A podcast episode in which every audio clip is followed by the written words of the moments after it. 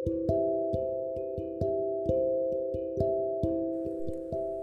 semua, gue Kotsari. Selamat datang di podcast Waktu Berjalan.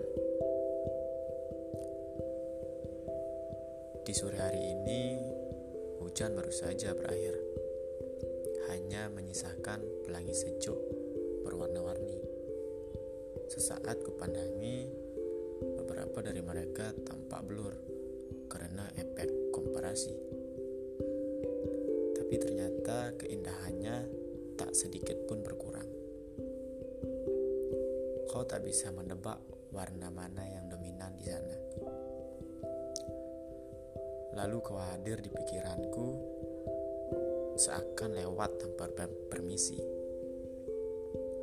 Bukan ia tak sopan atau tak mau tata krama, tapi memang begitulah cara cinta Waktu menjadi salah satu hal yang paling berharga dalam hidup. Pasalnya, waktu terus berjalan setiap detik, menit, jam, hari, dan seterusnya, tanpa bisa diulang. Meski begitu, nyatanya masih banyak orang-orang yang hanya menyanyiakan waktu yang ia punya. Waktu sering kali dihabiskan untuk hal-hal yang kurang berguna.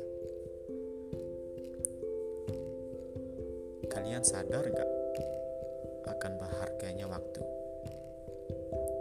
Waktu juga akan membuat kita lebih bisa menghargai kehidupan.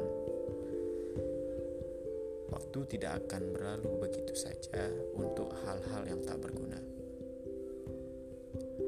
Menyadari betapa berharganya waktu, juga akan lebih membuka mata hati kita